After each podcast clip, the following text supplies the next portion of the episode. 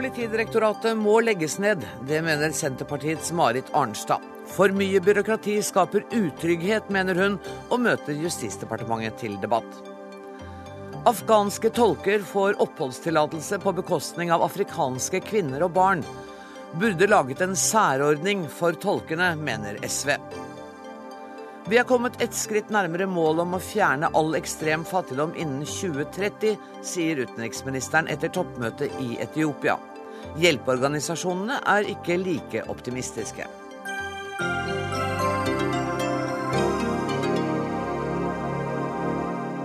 Dette er Dagsnytt 18 denne 15. julidagen, der vi også skal snakke om sikkerheten i norske tunneler. Men først. Politidirektoratets direktør har blitt for mektig på bekostning av politikerne. Det sier Senterpartiets Marit Arnstad til Dagbladet. Hun vil legge ned hele Politidirektoratet. Marit Arnstad, velkommen til Dagsnytt 18. Hvorfor vil du det? Jo, fordi at jeg eh, jo mener at Politidirektoratet er et eh, direktorat som over 14 år ikke har funnet den formen de eh, bør ha. Det skulle jo være egentlig et strategisk ledelsesorgan for Justisdepartementet. Det har de ikke blitt. Og de har jo også est ut eh, i ganske voldsomt i løpet av de siste årene. Fra 125 millioner bevilgninger til, i 2012 til 240 i dag. Fra noen, 100 og noen ting ansatte til 300 i dag. Mm. De bruker en halv million om dagen i konsulenthonorar og årsverk. Og de gjør en rekke oppgaver som kan gjøres enten av politidistriktene eller som faktisk kan gjøres i departementet. Men Mener du at direktoratet har tiltatt seg oppgaver som det strengt tatt ikke burde ha? I, til dels har de gjort det, men det er også sånn at uh, det politiske flertallet har skyvd en del oppgaver fra seg. Mm. Altså, F.eks. så er det Politidirektoratet som nå skal bestemme lokaliseringa av de ulike politidistriktene, og det er dem som skal bestemme lensmannsstrukturen i Norge. Mm. Det, det, betyr at det er noen parti som har uh, funnet det opportunt å skyve ansvaret fra seg og over på Politidirektoratet. Dette er oppgaver som jeg mener er oppgaver som Justisdepartementet og storting og regjering bør avgjøre. Statssekretær Gøran Kalmyr, går ut fra at du ikke er helt enig i denne analysen fra Senterpartiet? Nei, jeg, ser, og jeg tror det er litt viktig å være klar over historien her nå. Det var altså slik at uh, I Justisdepartementet før så var det veldig mye enkeltsaker og uh, veldig mye strategisk faglige saker som tilhørte politiet, uh, som da ble utskilt til et eget direktorat, som skulle da være Politidirektoratet. Så man flytta ned lukka ut fra Justisdepartementet over til Politidirektoratet. Så har Politidirektoratet fått en del nye oppgaver, som f.eks. å sørge for at hele Politi-Norge får et nytt nødnett. Hele Politi-Norge får nye IKT-løsninger som gjør at man nå f.eks. kan få i gang den nye straffeloven, som den forrige regjeringa ikke klarte i hele tatt. Så Politidirektoratet er ganske viktig til sånne fellesoppgaver som hele politiet har. Og jeg antar at Marit Arnstad ikke mener virkelig det, at hvert enkelt lensmannskontor skal sitte her og finne ut av hvordan nødnettet skal fungere sammen. Da hadde vi fått en virkelig stykkevis og delt eh, nødnettsystem i Norge. Men det er jo sånn at at har, Politidirektoratet har vært evaluert to ganger. Først i 2003-2004, og så i 2012. Og, og, Det er en ganske nedslående konklusjoner når det gjelder den rollen de skal ha. Eh, og Noe av det viktigste som ble sagt i 2012, er jo at eh, POD var mer prega av byråkratisk forvaltningskultur enn operativ politikultur. Mm. Det tror jeg er ganske riktig. Eh, og jeg tror også det er en av grunnene til at du nå bør eh, bruke muligheten til å se på eh, strukturen. Nå har du jo nettopp gjennomført en betydelig endring når det gjelder de lokale leddene. Det skal skje store endringer i politidistriktene, det skal skje store endringer på lensmannskontorene. Da er det også på tide at du tar en debatt om de sentrale organene og byråkratiet i selve direktoratet. Og, du, og, og den, diskusjonen, den, diskusjonen, den har Frp vært, tidligere vært opptatt av å ta. Fordi Siv Jensen lovte i 2012 at uh, hvis Frp kom i regjering, så skulle de gjøre langt færre politidistrikt, men de skulle også legge ned Politidirektoratet. Så dette er jo en invitasjon til bl.a. Frp om å gå for alvor inn i den debatten. Dere har snudd dere etter spørsmålet her. Ja, det som har skjedd, det er at man har fått en nærpolitireform der man har sett på politiet under ett. Og så har man kommet til en ny struktur på hvordan det skal ses ut. Og Politidirektoratet har en sentral funksjon i dette her nå. Men, men det er riktig at Siv Jensen sa at vi skal legge ned Politidirektoratet? Men det var altså før nærpolitireformen. Det var Per Sandberg som sa det, men det var før nærpoliti, nær, politireformen. Men så har jeg lyst til å understreke et par ting her nå. Eh, det er viktig å se på hvilke oppgaver er det Politidirektoratet utfører. fordi at dette er oppgaver som man ikke kan legge til det enkelte eh, distriktet, politidistriktet. F.eks. analysearbeidet, som gjør det at man får gode analyser på kriminalitetsutviklinga i Norge for å finne ut hvordan skal man bekjempe denne kriminaliteten. Dette er jo da kriminalitet som går på tvers av de forskjellige politidistriktene. Og dette arbeidet her nå er jo bl.a. det som har medført, sammen med 1000 nye stillinger i politiet, at man har fått en reduksjon i kriminalitet over hele landet. Så vi, vi kjører jo direkte målstyring, vi. Vi kjører opp mot det målet at vi skal ha reduksjon i kriminalitet, og det har vi i stor grad fått til. Ja, for det første så er det sånn at Analyseavdelinga er jo noe av det minste du har. Det er jo det er jo den minste biten i, i Politidirektoratet. Og hvis Men hvem skal gjøre den hvis, Politidirektoratet? Hvis du virkelig skal nedskalere her, så bør du jo se på en del andre ting. Eh, og så er det ikke riktig at du har behandla Politidirektoratets rolle i nærpolitireformen. Det har du slett ikke gjort. Det er jo ikke noen nærpolitireform heller. Det du gjorde der, det var faktisk å gå hardt ut og veldig konkret til verks når det gjaldt reduksjon av antall politidistrikt, reduksjon av antall lensmannskontor, men du sa svært lite forpliktende om hva som må skje når det gjelder redusert byråkrati i de sentrale enhetene. Og Før du får ordet nå, så tenkte jeg bare vi skulle høre hva politidirektøren sjøl sa da han var i studio her 11.6.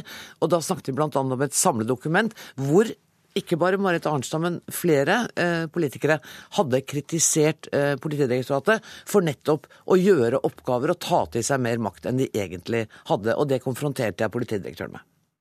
Ja, det kan det gjøre. Vi blei vel også litt, eh, litt uh, i stuss på hva man egentlig mente at vi hadde tiltatt oss som oppgaver. For vi kan gå gjennom hver eneste endring i Politidirektoratet og henvise til vår instruks fra 2012. Det er ingenting vi gjør der som ikke vi er bedt om å gjøre, og som kommer fram i kritikken både i Gjørv, Politianalysen og Difi-analysen. Dette er en klar bestilling fra departementet, så jeg tror noe må bero på en slags misforståelse. Ja, For det er en kritikk av dere her? Ja, det er en, en etterlater et inntrykk som at vi gjør noe vi ikke skal eh, gjøre, og det kan vi ikke se at vi, vi, vi gjør. Men øh, vi tar gjerne imot eh, besøk eller klarere meldinger om hva man er uenig i. Vi mener at vi svarer på den kritikken vi har fått, og vi har ressurssatt Politidirektoratet for å også lede politireformen fremover. Marit Arnstad, kan det rett og slett være for dårlig kommunikasjon? Jo, men jeg har aldri sagt at det er Politidirektoratet alene som har tiltatt Nei. seg makt. Jeg har også sagt at det er flertallet på Stortinget som i stedet for å ta ansvaret for vanskelige beslutninger, har overlatt de oppgavene til Politidirektoratet. Det gjelder lokalisering av politidistrikt, det gjelder lensmannsstrukturen. Eh, og det er også betimelig, det er også bekvemt for justisministeren å skylde på Politidirektoratet når det gjelder retur av asylbarn og hva som ble sagt i tildelingsbrevet eller ikke. Men Humlegård sa også ganske tydelig eh, i en kronikk i Dagbladet i går at når det gjaldt de disse stillingene som regjeringa mener skal gå til den spisse enden, da, det operative, mm. at så mye av de pengene ble liggende igjen i Politidirektoratet, det sa han at det har å gjøre med at vi er den som eh, har herredømme over den budsjettposten, og vi har økte driftskostnader. Og Da har departementet igjen gitt ifra seg en mulighet til å styre ressursene i politiet. Det syns jeg er veldig sørgelig. Og så er det nok, og det var jo også i evalueringsrapporten til Difi, der var det jo også et tema at tilliten mellom Justisdepartementet og Politidirektoratet er ikke nødvendigvis veldig god. Kan du bekrefte det siste?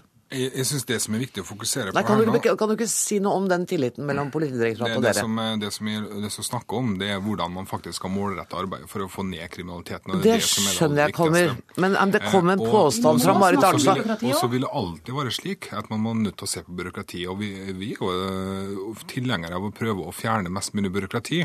Men så skal man heller ikke se seg blind på at uh, Politidirektoratet har fått en del viktige oppgaver som må løses for hele Politi-Norge.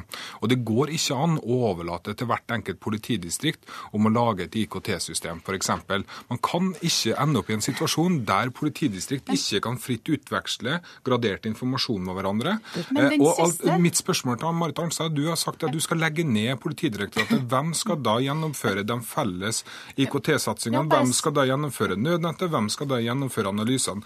Mener du virkelig det, at dette skal være politisk styrt arbeid istedenfor et faglig styrt arbeid? Det siste punktet med IKT, det er jo, der har jo Justisdepartementet i realiteten tatt over kontrollen. fordi at det prosjektet var jo så ut av kurs og så ut av kontroll ja, når det gjaldt kostnadene. Det var det prosjektet dere, nei, dere satte i gang mens dere satt i regjering. i realiteten tatt over og tatt kontroll over steg for steg i det, i det programmet. Men, men jeg mener jo uh, alvorlig at en burde gå gjennom og se på hva kan departementet ta av koordineringsansvar, hva kan de nye politidistriktene ta av politifaglige, beredskapsmessige, analysemessige oppgaver. Og de er jo nå etter hvert, det blir jo da store distrikt. Uh, og da må man spørre seg hva blir igjen som egentlig er genuint politidirektoratsarbeid. Mm. Det er jeg veldig usikker på. Men, og kommer, ja.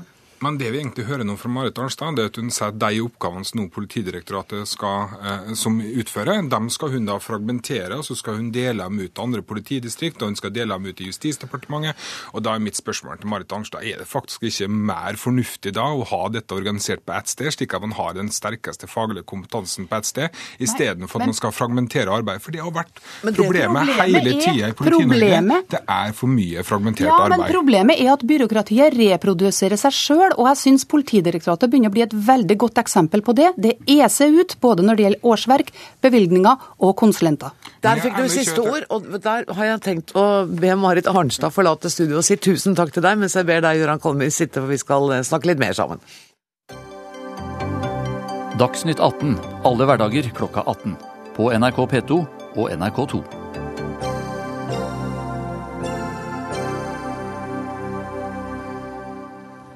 Afghanske tolkene som arbeidet for det norske forsvaret, får nå opphold i Norge. Men det får de på bekostning av 150 kvinner og barn fra Kongo. Justisdepartementet hadde opprinnelig planlagt å motta kongoleserne, men de får nå ikke opphold likevel. Det skriver Aftenposten i dag. Håkon Ødegaard, kommunikasjonssjef i Norsk Folkehjelp, hva var din reaksjon? Nei, vi syns jo det er rart at de skal rote til den ordninga, da. Eh, vi er glad for at eh, de afghanske kamptolkene får komme til Norge, det er vi åpenbart. Men, eh, men det er jo personer som har vært ansatt av norske styrker i Afghanistan. Det er en helt egen gruppe. Det å begynne å, å legge de inn i kvoteordninga til FNs høykommissær, det er helt feil. og Det gjør at man, lager en presedens som skaper eh, problemer. og Hvis man alle land i verden skulle gjøre dette, vil det virkelig rote til hvordan kvoteordningen er laga. Men, men kan myndighetene bare uten videre si at ja, men da tar vi 150 ekstra i forhold til det som vi faktisk Nei, men, har vedtatt å ta inn? Men, men, det er ingen grunn til at det skal være innafor kvoteflyktningsordningen. Der har Stortinget satt 2160 år, og det er greit nok. Men man kan jo bare ta dem inn i landet på en annen måte. Um, ja, Gøran Kalmer kunne bare tatt dem inn i landet. Nei, Det er nok faktisk ikke så enkelt, det. Eh, da måtte man gjort ganske mye arbeid i forhold til lovendringer og forskriftsendringer. Eh, dette er nå egentlig at vi følger samme type ordning som tidligere regjering fulgte. Eh, at man, De kamptolkene man tar inn, de tar man inn som en del av kvoteflyktningsystemet. Men så har den store utfordringa vært det at man opprinnelig så for seg 26 tolker pluss familie. Man hadde satt av 155 åpne plasser til dette formålet, og så viser det seg å være mange flere. Og Da er det slik at da må vi innenfor de føringene som vi har fått fra Stortinget, sørge for at kamptolkene også kommer inn. Det er en klar bestilling fra Stortinget, et vedtak. Eh, og så har også Stortinget vedtatt at vi skal ta imot 2000 syrere. Og da må noen andre fases ut, og da har man valgt kongoleserne fordi at de får veldig mye hjelp fra andre land. Så istedenfor å f.eks. ta ut afghanske kvinner og barn som ikke får hjelp fra andre land, så har man valgt å ta ut kongolesergruppa. Så har jeg lyst til å bare understreke det, at vi vet fortsatt ikke hvor mange av de 200 som nå har søkt, som får opphold. og blir det færre enn 200, så vil det være naturlig at man tar inn andre personer som FN fremstiller for hjelp, og la dem få komme til Norge, slik at kvoten blir fylt opp. Ola Elvestuen, syns Venstre det er greit at det er 150 kongolesiske kvinner og barn som nå ikke kommer? Det er klart at Dette er veldig uheldig for de som har fått eh, beskjed om at de skal eh, komme hit. og Det er ingen tvil om at regjeringen de kunne ha valgt en annen, eh, annen, ordning for dette.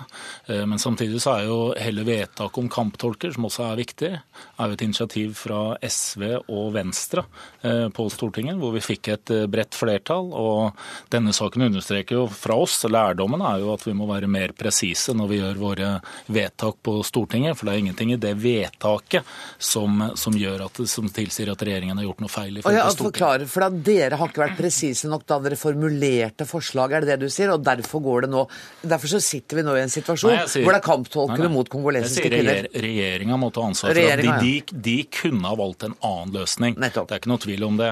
Og så er det riktig at i tildelingsbrevet som gikk i, i vår, så, så, viste man fram at man skulle ta dette innenfor den såkalte åpne plassene innenfor kvoteflyktningreglene. Men det er klart at regjeringa har mulighet til å gjøre en, en, større endring dersom de ønsker det.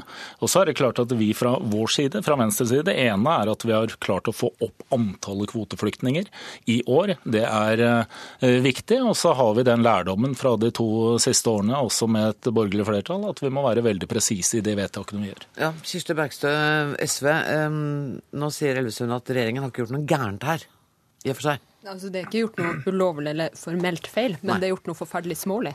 Eh, og det Stortinget har bedt om, det er jo at det skal være en egen ordning eh, for eh, kamptolkene som har bistått de norske styrkene i Afghanistan. Eh, og her vil jeg jo bare si at det er forskjell på flyktning- og asylpolitikken og forsvar og sikkerhetspolitikken. Og Det er jo et av hovedpoengene her. Og Den brede engasjementet for kamptolkene viser jo nettopp det. Der du hadde veteranforbundene, du hadde eh, fagforeningene eh, til, til, forsvarspersonell, og du hadde de politiske partiene som i lag sto opp og sa det her er mennesker som har gjort en, en eh, innsats eh, for eh, de norske styrkene eh, i Afghanistan. Derfor så skal vi behandle dem og deres beskyttelsesbehov. Og så er det direkte smålig nå når regjeringa sier at fordi eh, at vi skal ivareta deres beskyttelsesbehov, ja, så sier vi nei til 150 kongolesiske kvinner og barn som er voldsutsatt, og som sitter i en flyktningleir i dag. Eh, det er jo veldig typisk denne regjeringa å sette utsatte grupper opp mot hverandre, og det hadde man ikke trengt å gjøre. Men ifølge Kalmyr så er disse kvinnene altså de, de minst utsatte av de som dere kunne ja, de får, de får, veldig mye hjelp fra andre land, ja. Eh, mens de andre gruppene man kunne fasa ut, eh, får ikke det. Men jeg har lyst til å arrestere litt fra SV her nå, for de satt selv i regjering når den forrige eh, kamptolkene ble tatt ut. Og de også ble tatt ut som kvoteflyktninger. De også forskjøv jo da andre personer som da kunne ha kommet til Norge som kvoteflyktninger. Så det er litt sånn dobbeltmoralsk av eh, SV å sitte her nå og moralisere over denne regjeringa. Det, det som er et faktum, det er at Norge skal ta imot rekordmange 2720 kvoteflyktninger i 2015. Det har aldri før blitt tatt imot så mange. Eh, det vi snakker om her nå, det er kanskje at eh, antallet tolker som kommer til Norge, forskyver rundt 50 personer eh, som kunne kommet til Norge ellers. Det er ikke det største antallet, og Norge tar et internasjonalt ansvar på dette området som ingen andre land gjør i hele tatt i forhold til innbyggertall. Men dette dilemmaet med at man må altså si nei til noen 150 kongolesiske kvinner og barn. Nå sier Kalmer at nå får de mye hjelp, så det er kanskje ikke så ille for dem? Nei, altså jeg mener at det, Hovedpoenget her er at man roter det til det som er kvoteflyktningene, som er FNs høykommissærs ordning. Så tar man inn Vi har et eget ansvar for de som var faktisk eh, en del av den norske hæren i krigen i Afghanistan det er noe eget. jeg syns det er enig med SV at det er smålig. og er, Jeg ser jo at dette er et forsøk igjen på å bare få ned antall mennesker som kommer inn i landet, ved å mikse og trikse ved ordninger. Jeg syns dette er eh, dårlig, og jeg tror det er et problem dersom eh, andre land også skulle begynne å ordne det på den måten innenfor FNs høykommissariats ordning.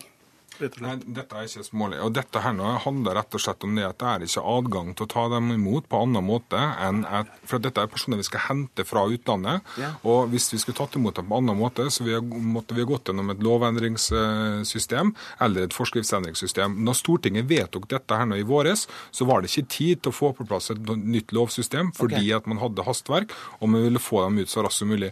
Jeg må bare slik... få det ordentlig med meg. Sånn at det at de kommer som kvoteflyktninger, det, det tid. Det var for å spare tid, og fordi man hvis man skulle tatt dem inn på en annen måte, måtte hatt en lovendring eller en forskriftsendring. Ja, Da måtte vi gjort det på, da måtte vi lagd et eget nytt system, og det mente man at man ikke hadde tid til, for det hasta, og det understreka Stortinget flere ganger. Så jeg har lyst til å bare understreke det til slutt. Regjeringen har altså ikke fullmakt til å lage en ny eh, kvote for kvoteflyktninger.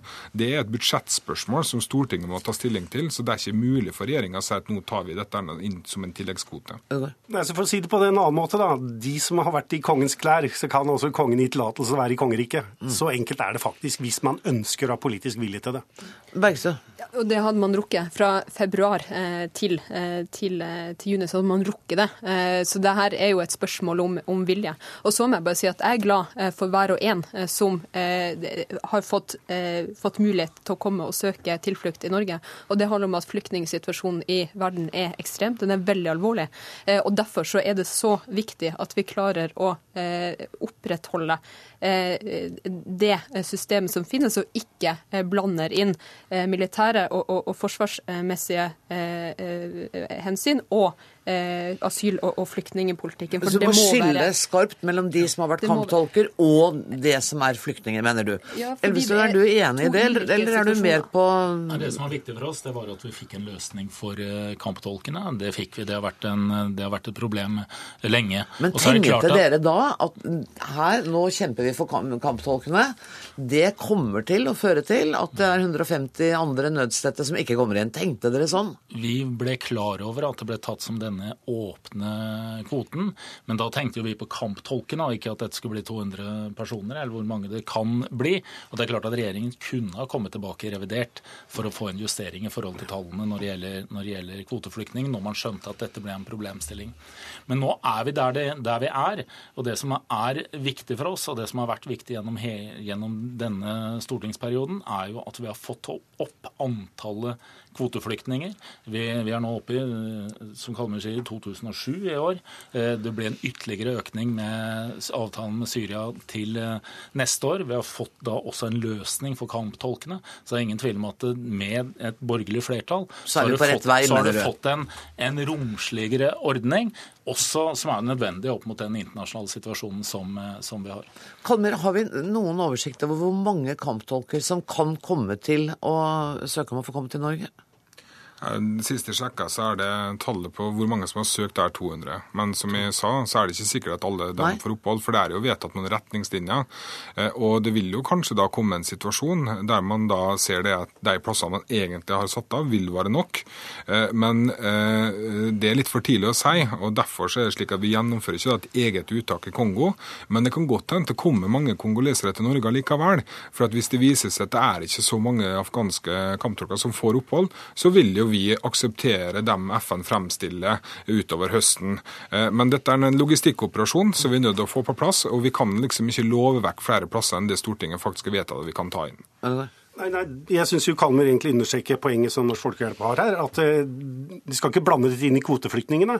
For da er det plutselig er det så mange, er det så mange? Nei, så det er satt så og så mange kvoteflyktninger. Det er vi enige med FN om. Det er et eget system for hvordan man tar ut disse. De har et eget behov. De, er, de sitter i leirer utenfor sitt eget land. Og det nettopp at de skal søke på den måten, det er jo helt annerledes enn hele systemet er bygd opp på. Men, Derfor er dette feil. Altså, hvis vi hadde hatt eget system, så hadde altså antall kvoteflyktninger vært redusert med 155 fra begynnelsen av. Eh, og da snakker vi fortsatt om rundt 45 eh, stykker. Og ingen av disse tallene er hugget i stein, som Kolmi sier. Så kan det altså komme Det som er hugget i stein, det er Stortingets vedtak på 2720. Nettopp. Tusen takk for at dere kom til Dagsnytt 18, Håkon Ødegaard, Gøran Kalmyr, Ola Elvestuen og Kirsti Bergstø.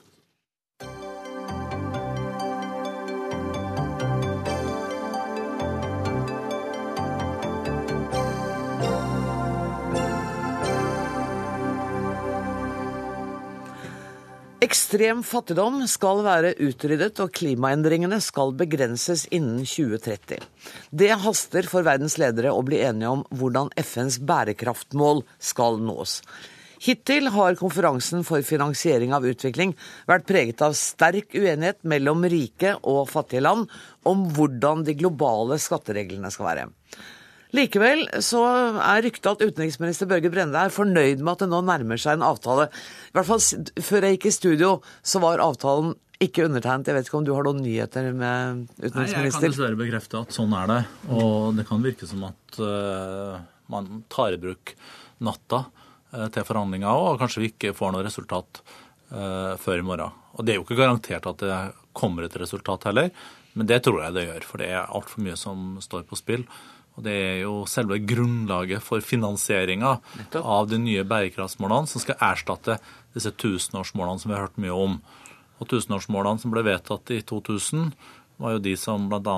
Eh, sa at vi skulle halvere antallet personer som lever i ekstrem fattigdom i verden. Og det målet nådde vi. Og nå skal vi jo utrydde all ekstrem fattigdom innen 2030, men det gjør vi jo ikke sjøl. Vi må øke bistanden, vi må mobilisere mer ressurser i hvert enkelt land, og så må vi jobbe tettere med eh, privat næringsliv. Eh, det er mulig du har reist hjem fra Addis Abeba litt for tidlig, at du skulle vært der og sett at den avtalen ble undertegna? Ja, eh, det kribler jo litt, men vi har veldig dyktige folk der. Og det var jo ikke meninga at det skulle ta så mange dager, så det var jo mange ministre som reiste hjem. Nå er vi jo langt ute i uh, juli òg, så jeg hadde jo ikke planlagt å sitte i Addis Abeba uh, resten av uh, juli. Men, men kan, går det an å være konkret på hva som har vært hovedkonflikt, eller hovedproblemet, nå i de siste dagene? Nå er det bl.a. knytta til spørsmål om skatt. Det er jo bred enighet om at mange u-land har et kjempestor mulighet til å øke Eh, skatteinntektene sine, utvider skattegrunnlaget. Mm. Vi har eksempler på at eh, f.eks. store landeiere slipper å betale skatt. Eh, det er dårlig skatteinnkreving.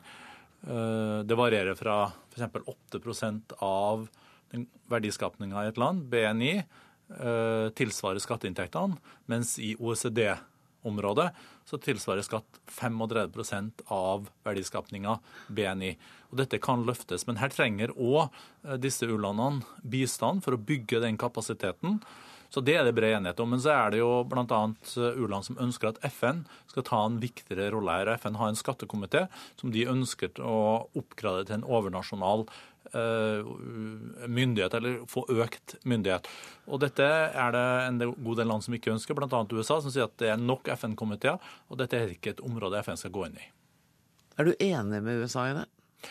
Norge har, eh, og Stortinget, eh, sagt i forbindelse med en stortingsmelding om disse spørsmålene i 2012-2013 at vi støtter at FN kan ta en klarere rolle innenfor dette eh, området. Men det er jo ikke minst å bygge kapasitet i de ulike landene. FN skal jo selvsagt ikke bestemme skattenivået og skattesystemet i ulike land. Men det mener jo heller ikke u-landene. ikke sant? Det er, nei, det er, jo ikke der det ligger. Line Hegna, du er kommunikasjonssjef i, i Redd Barna. Um, hva er det som gjør at skattespørsmålet er så sentralt for å bedre u-landenes situasjon? Skatt er av de viktigste grepene man har for å utrydde fattigdom og skape utvikling. Fordi bistand, selv om bistand er viktig, så er det en eh, forsvinnende liten del av de pengene som trengs for å finansiere utdanning, helse og det folk trenger for å leve gode, verdige liv. Så den, den, mest, eh, altså den største og den mest bærekraftige kilden til utvikling, det er eh, skatt. Og det er en veldig bra ting som har skjedd med møtet i Addis nå, er at eh, mens, altså Det er ikke så mange år siden man faktisk eh, var litt sånn radikal hvis man sa det. Det var ikke noe enighet om eh, at skatt var viktig. Og der har vi et, en helt annen historie i dag. Eh, en helt annen forståelse som nå er slått fast i, i Addis om at Eh, skatt er eh, en av de viktigste brikkene i det puslespillet som skal på plass for å skape utvikling. Og så er det da uenighet om eh, hvordan og når og hvor radikalt dette skal bli.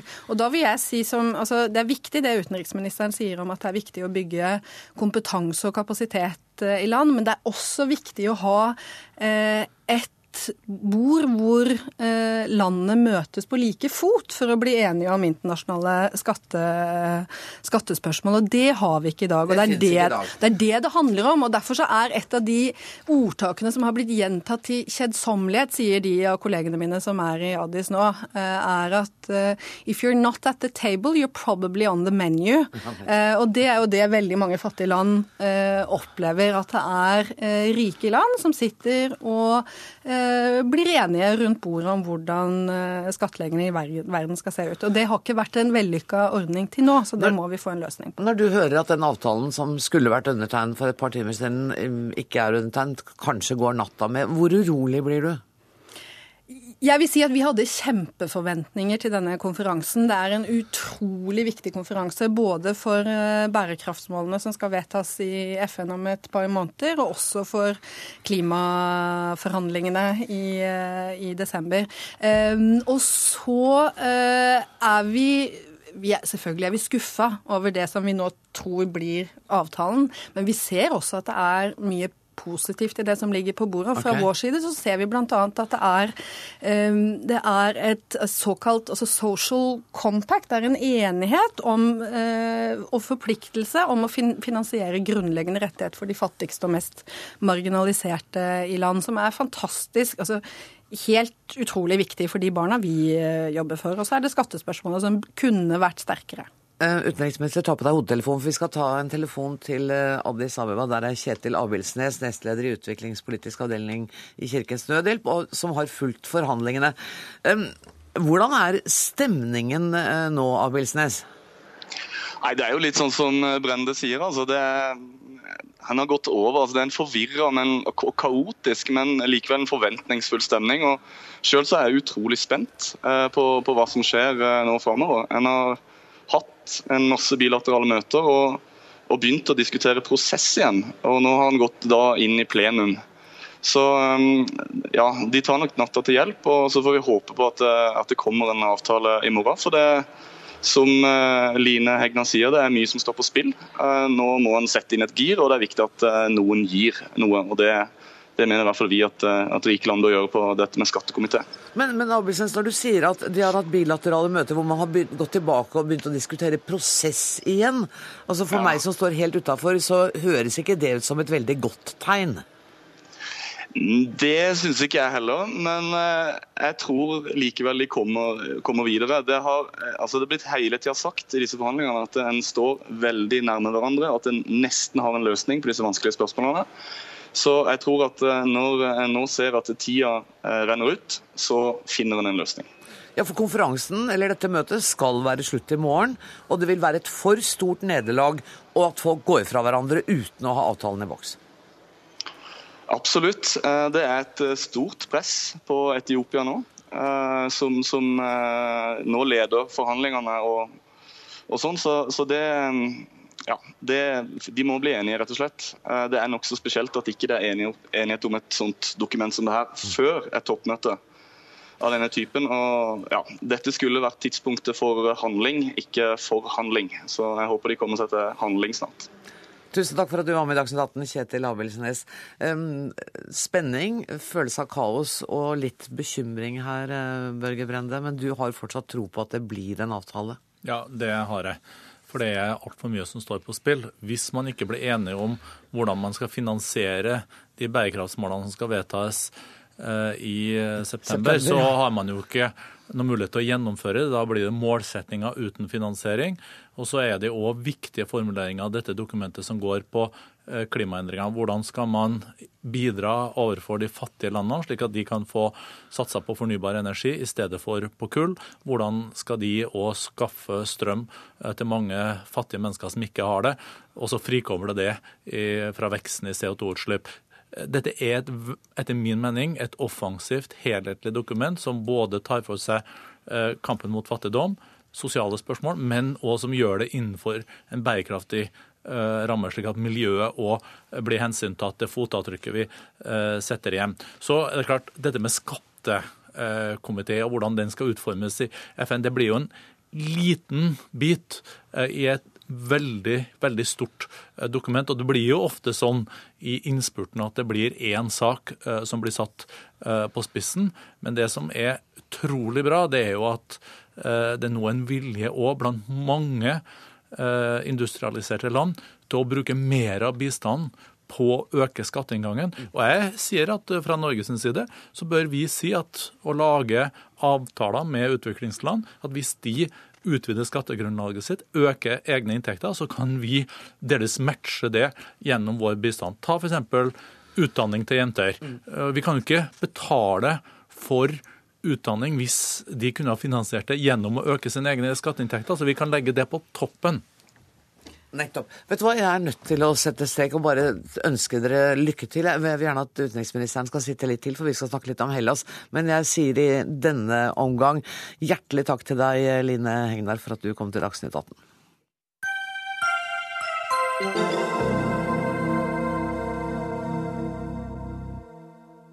Hellas er, som vi vet, inne i nok et skjebnedøgn. Om noen, noen timer skal den greske nasjonalforsamlingen ta stilling til en ny avtale med eurosonen. Landet er, som vi vet, dypt splittet i dette spørsmålet. I dag er det generalstreik og en rekke demonstrasjoner i protest mot nye økonomiske reformer. Jan Espen Kruse, utenriksmedarbeider her i NRK, du er i Aten. Går det an å beskrive stemningen for en som sitter i Oslo? Ja da, det skal vi prøve på. Her på plassen utenfor parlamentet så, så begynner folk å strømme til. Eh, det er annonsert at dette skal være den største protestmarkeringen mot eh, avtalen med EU eh, som hittil har blitt holdt. Men det, grekerne har nå sin, sitt spesielle forhold til tid. Det skulle startet for en eh, time siden, men det er fortsatt ikke helt, eh, helt, i gang. Men folk begynner å strømme til her. Eh, I hele dag så har det vært demonstrasjoner av forskjellige typer, forskjellige grupper som har protestert, særlig de på venstresiden. Og gjennomgangstonen er at denne avtalen med EU kommer til å bli altfor hard for grekerne. De kommer til å ødelegge økonomien fullstendig, og folk kommer til å få det forferdelig mye verre. Det er vel konklusjonen. Og så har det vært generalstreik i dag. Ja, generalstreik er kanskje litt i meste laget. Altså, det er eh, Statsansatte har streiket eh, i forskjellig grad. Eh, og så har farmasøytene stengt alle apotek over hele Hellas fordi de har fått med seg at blir denne avtalen vedtatt, så forlanger da EU å slippe til liberalisere dette området og la folk som ikke har den utdannelsen, også få åpne apotek. Og Det, det, det provoserer her. Så det, det er i det hele tatt veldig, veldig mange ting som provoserer av det EU gjør i disse dagene. Du, du, sa at grekerne har jo et spesielt forhold til tid. Tør du å spå noe om når man får avstemningen i nasjonalforsamlingen i kveld? Ja, altså Debatten starta for en times tid siden, eh, i plenumsdebatten i parlamentet. Og så er liksom målsettingen å ha en avstemning eh, rundt midnatt. Eh, men eh, forrige gang de hadde en lignende debatt, så kom jo ikke avstemningen før ved firetida på morgenen. Så eh, det er vel få som tror at det kommer noe særlig At det kommer ved midnatt. Det blir sannsynligvis store forsinkelser. For her er det mange som skal ha mange kritiske bemerkninger ut. Jan Espen Kruse, kan ikke du være med oss videre? Jeg skal bare snakke litt mer med utenriksministeren om dette. Hvordan vurderer du avtalen som, som, skal opp til avstemning i kveld? Er det, er det på en måte det beste Hellas kan håpe på nå? Det er jo en uh, avtale som nå legges frem for parlamentet av den greske regjeringa. Og det er jo elementer der som uh, fremstår som helt åpenbare, og så er det jo elementer som er vanskeligere. Ta f.eks. dette med pensjonsalder. At man innen 2020 skal forplikte seg til å øke pensjonsalderen til 67 år, fremstår vel ikke eh, som noe dramatisk eh, sosial reform for oss eh, i Norden. Hellas har ikke råd til å betale pensjoner hvis folk pensjonerer seg når de er 55. Så er det jo til å utvide momsgrunnlaget. Det syns jeg bør være relativt uproblematisk. Det å sørge for en bedre skatteinngang, oppgjør med eh, svart økonomi. Eh, så er det jo andre elementer, bl.a. så må man jo begynne å nedbetale på gjelda. Og Der er det lagt opp til at man skal avhende noe av eh, statens eierandeler i selskaper og lignende. Men dette vil jo nå bli vedtatt av det greske parlament, og vi har jo sett at mange andre land i EU har vært gjennom den type hestekurer, Irland, de baltiske landene.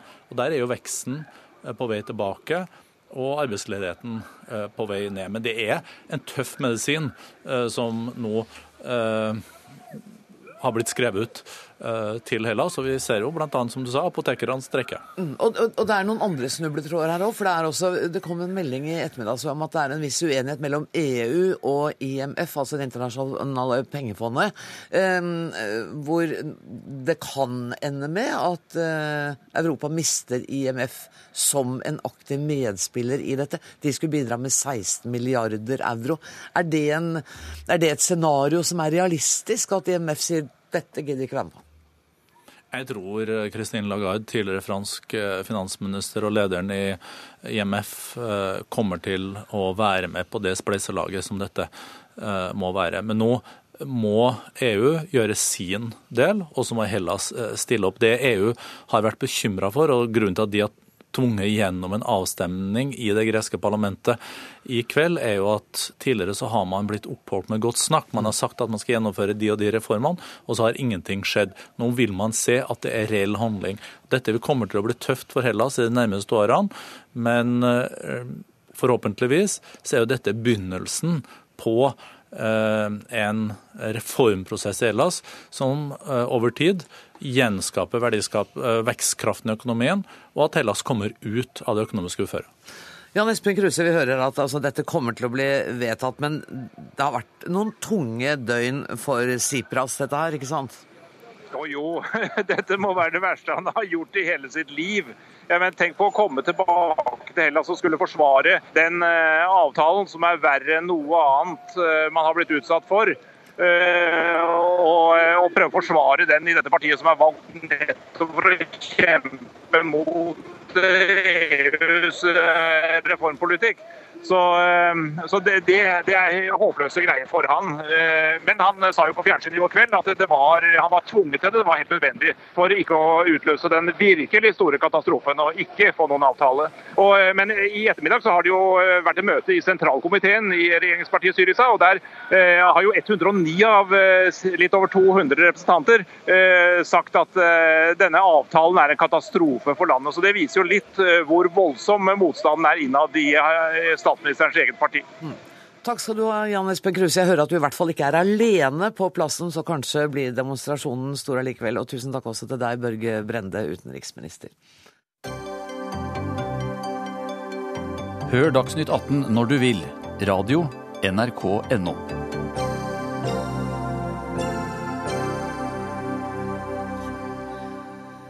Det er vanskelig å slå gjennom som forfatter i Norge. Det gis ut eh, over 4000 titler på norsk hvert år, og de færreste blir anmeldt eller får noen oppmerksomhet i det hele tatt. Forfatterne må selv selge bøker og forfatterskapet sitt på sosiale medier hvis de skal ha en sjanse.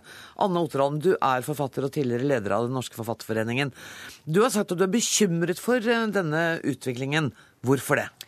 Jeg tror at det har endra seg. Jeg tror at Da jeg debuterte som forfatter for 20 år siden, så var det lettere for debutanter å få oppmerksomhet. Ikke bare i bokhandelen, nå er det veldig mye fokus på bokhandelen, men også i medier, anmeldelser. Min debutbok ble anmeldt overalt. Eh, bok nummer to ble anmeldt overalt. Bok nummer tre også anmeldt overalt. Og sånn tror jeg ikke det er lenger. Kanskje en del debutanter blir anmeldt. Men så forsvinner man, og så blir ikke forfatterskapene etablert og bygd lenger sånn som man gjorde før. Jeg må be om at dere også tar på dere hodetelefoner, for vi skal snakke med Bjørn Vatne, som er debutant, og som ikke har opplevd akkurat det som Anne Oterholm har opplevd. Du har gitt ut din første roman 'Slik skal vi velge våre ofre'. Hvor mange anmeldelser har du fått? Jeg har fått én. Okay. En såkalt samleanmeldelse. da også en, en eh, ja, samleomtale, kan man vel også kalle det, i, i radio. Hadde du håpet eller hadde du regnet med at boka di skulle bli bredt omtalt? Ja, altså, det der er veldig vanskelig å svare på. Og, og, og eh, For det første vil jeg si at eh, man kan ikke forvente eller kreve å bli anmeldt tenker jeg, som debutant eller som forfatter i det hele tatt. Men eh, man har jo selvfølgelig et ønske om å nå ut. da, eh, Og i den grad eh, anmeldelsene er viktige, så setter man jo selvfølgelig pris på å bli diskutert og, og få den type oppmerksomhet. Men man får jo tydelig signal i forkant av en debut da, om at uh, her kan det bli dørgende stille. og bare, bare være forberedt på det. Er det forlaget som sier det, at her kommer det til å bli dørgende stille? Mm.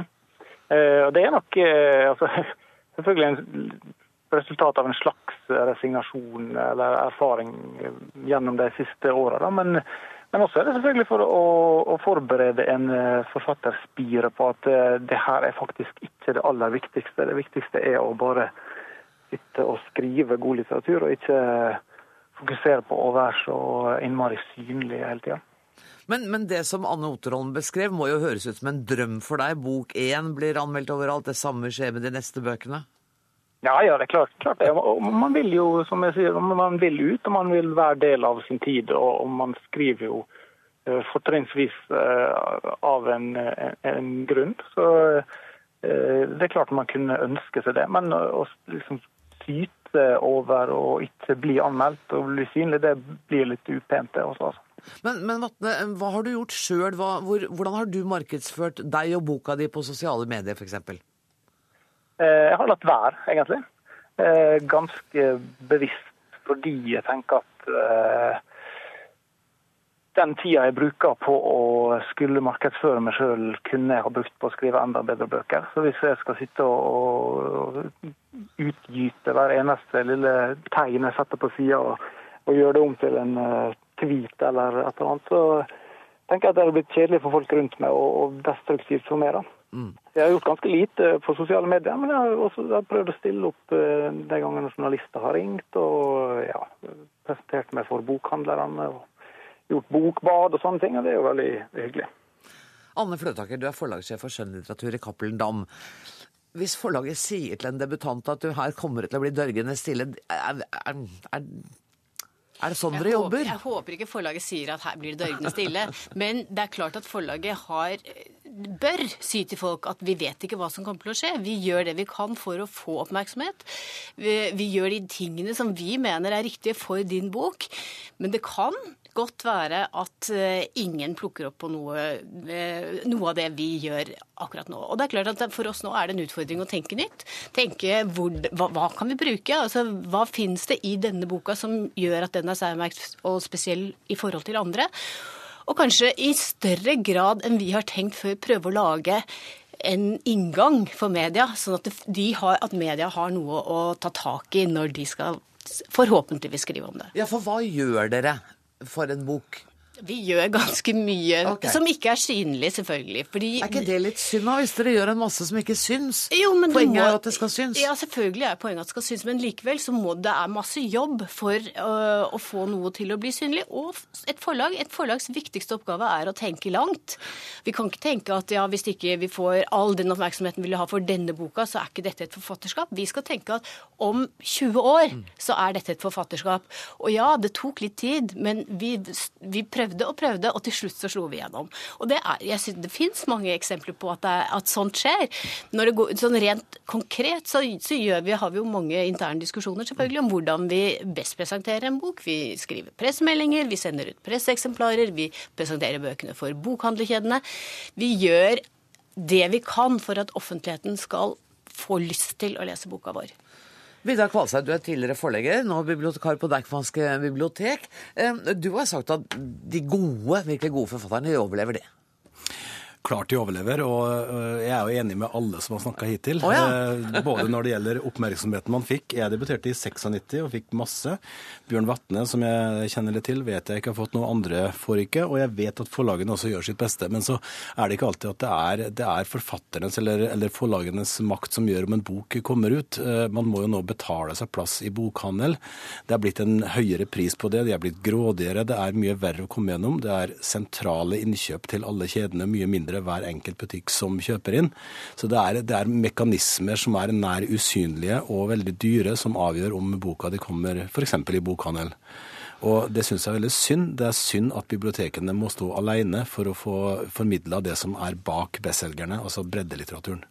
Men, men, kan det også være opp til Nå hører vi Vatne sier at han driver ikke og reklamerer for boka si på Facebook eller andre steder. Han bruker og prioriterer tida si til å skrive så gode bøker som mulig. Er det sånn tegn på at han er taper? Han kommer ikke til å Dette går ikke? Nei, Bjørn Vatne har jeg tro på lenge. Men, eh, men eh, det, det, det, ligger nok ikke for alle forfattere å, å, drive med den type ting. Og det er ikke noe som er så trist som å se en, eh, en forfatter stå og, og, gråte i sosiale medier 'vær så snill, kjøp boka mi'. Sånn at det er en veldig fin balanse, der. En av de som faktisk behersker dette aller best, han er jo mange og 60 år og har skrevet 40 bøker. Det er Helge Torvund, som har klart ja. å selge ut tre opplag av sin forrige diktsamling via sosiale medier. Det, det, var vel en av de diktsamlingene som sannsynligvis solgte mest i 2011 og 2012. Så det var helt fantastisk. Så det, det, finnes gode eksempler, og det finnes mange triste eksempler på at det, det nytter ikke å stå og rope.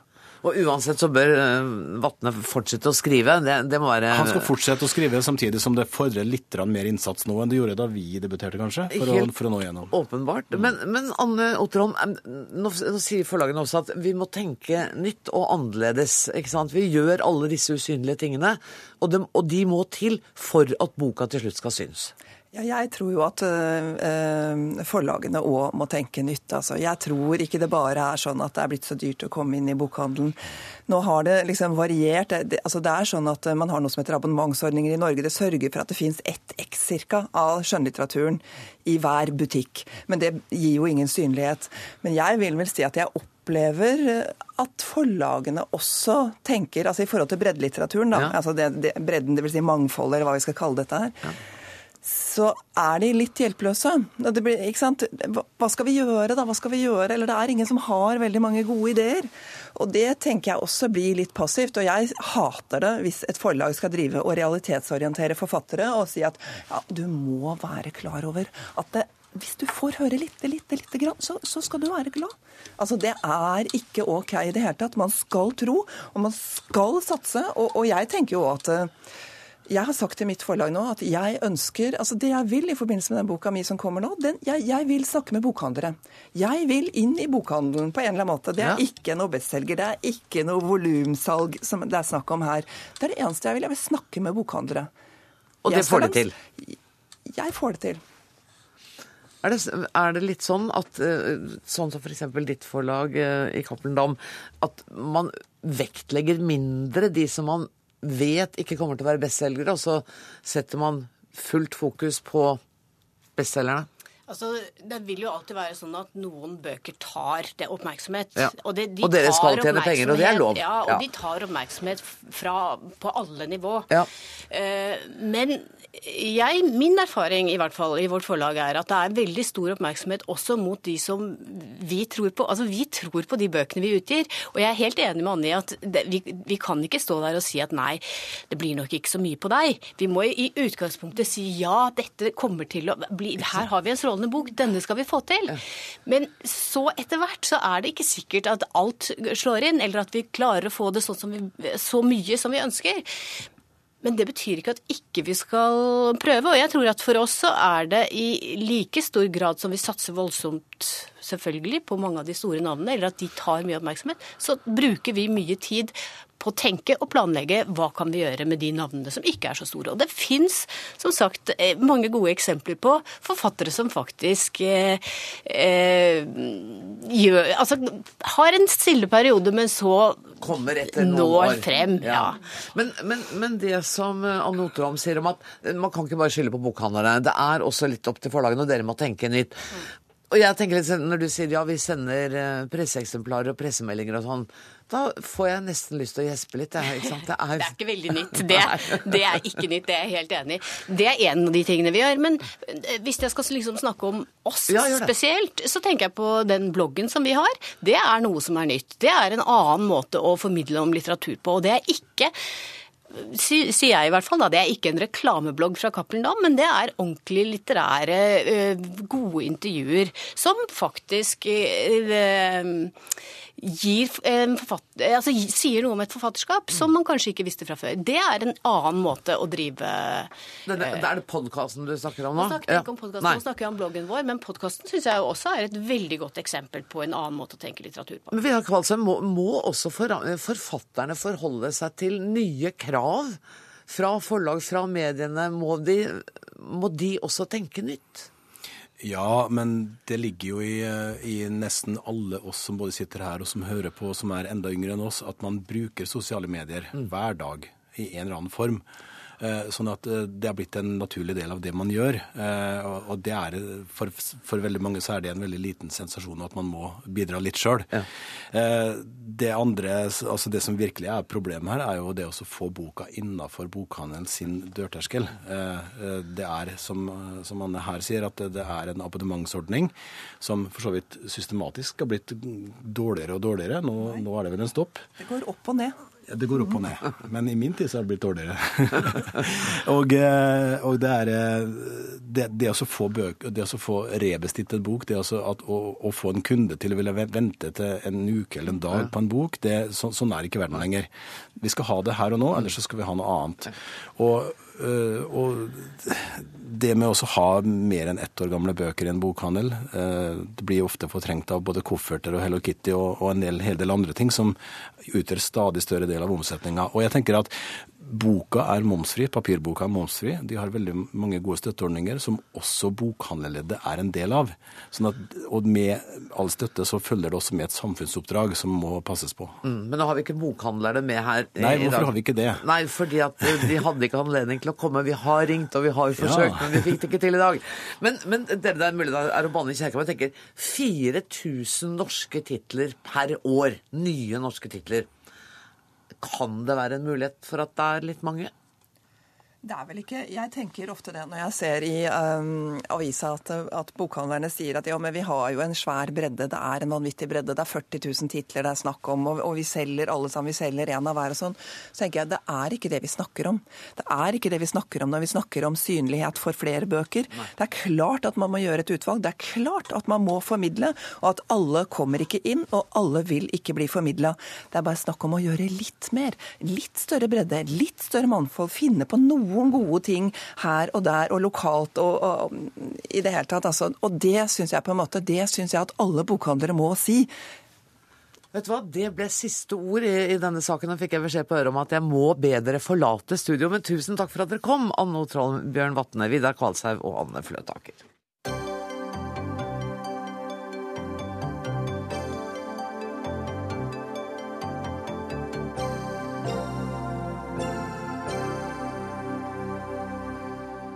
Det er ikke noen fare for at Skatestraumtunnelen kollapser. Det opplyser Statens vegvesen. Tunnelen er ikke lenger full av vann, men det brenner trolig fortsatt etter at en tankbil med drivstoff slet seg og traff fjellveggen i den undersjøiske tunnelen.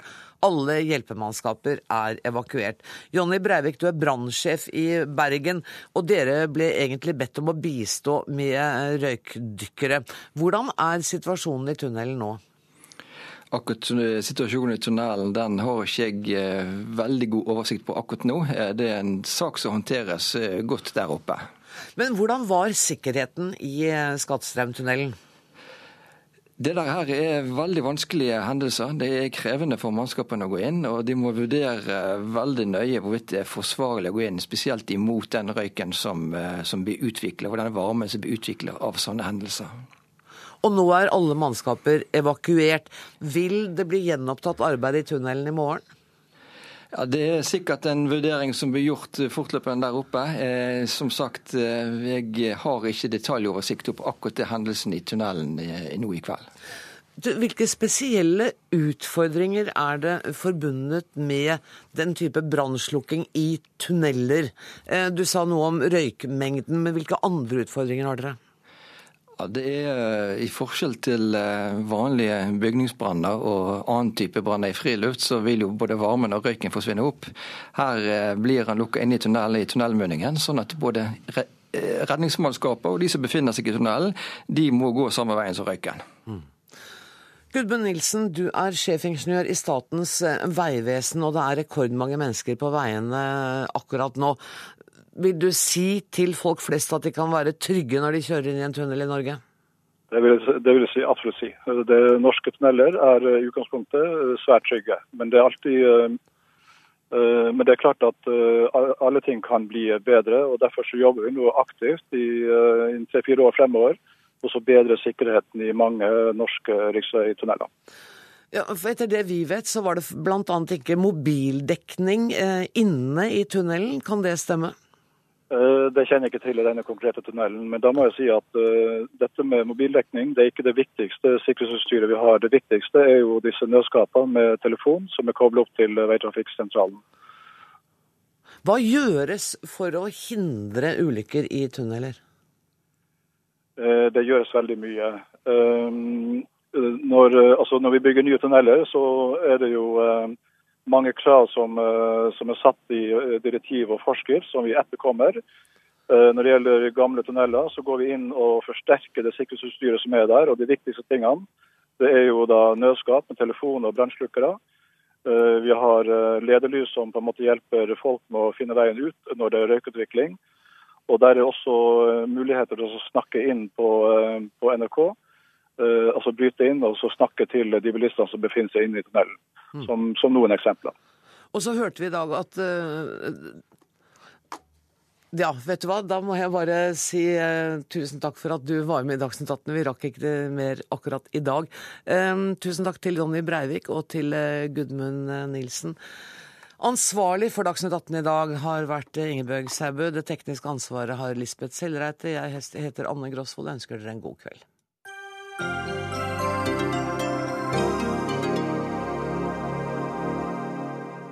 Hør flere podkaster på nrk.no podkast.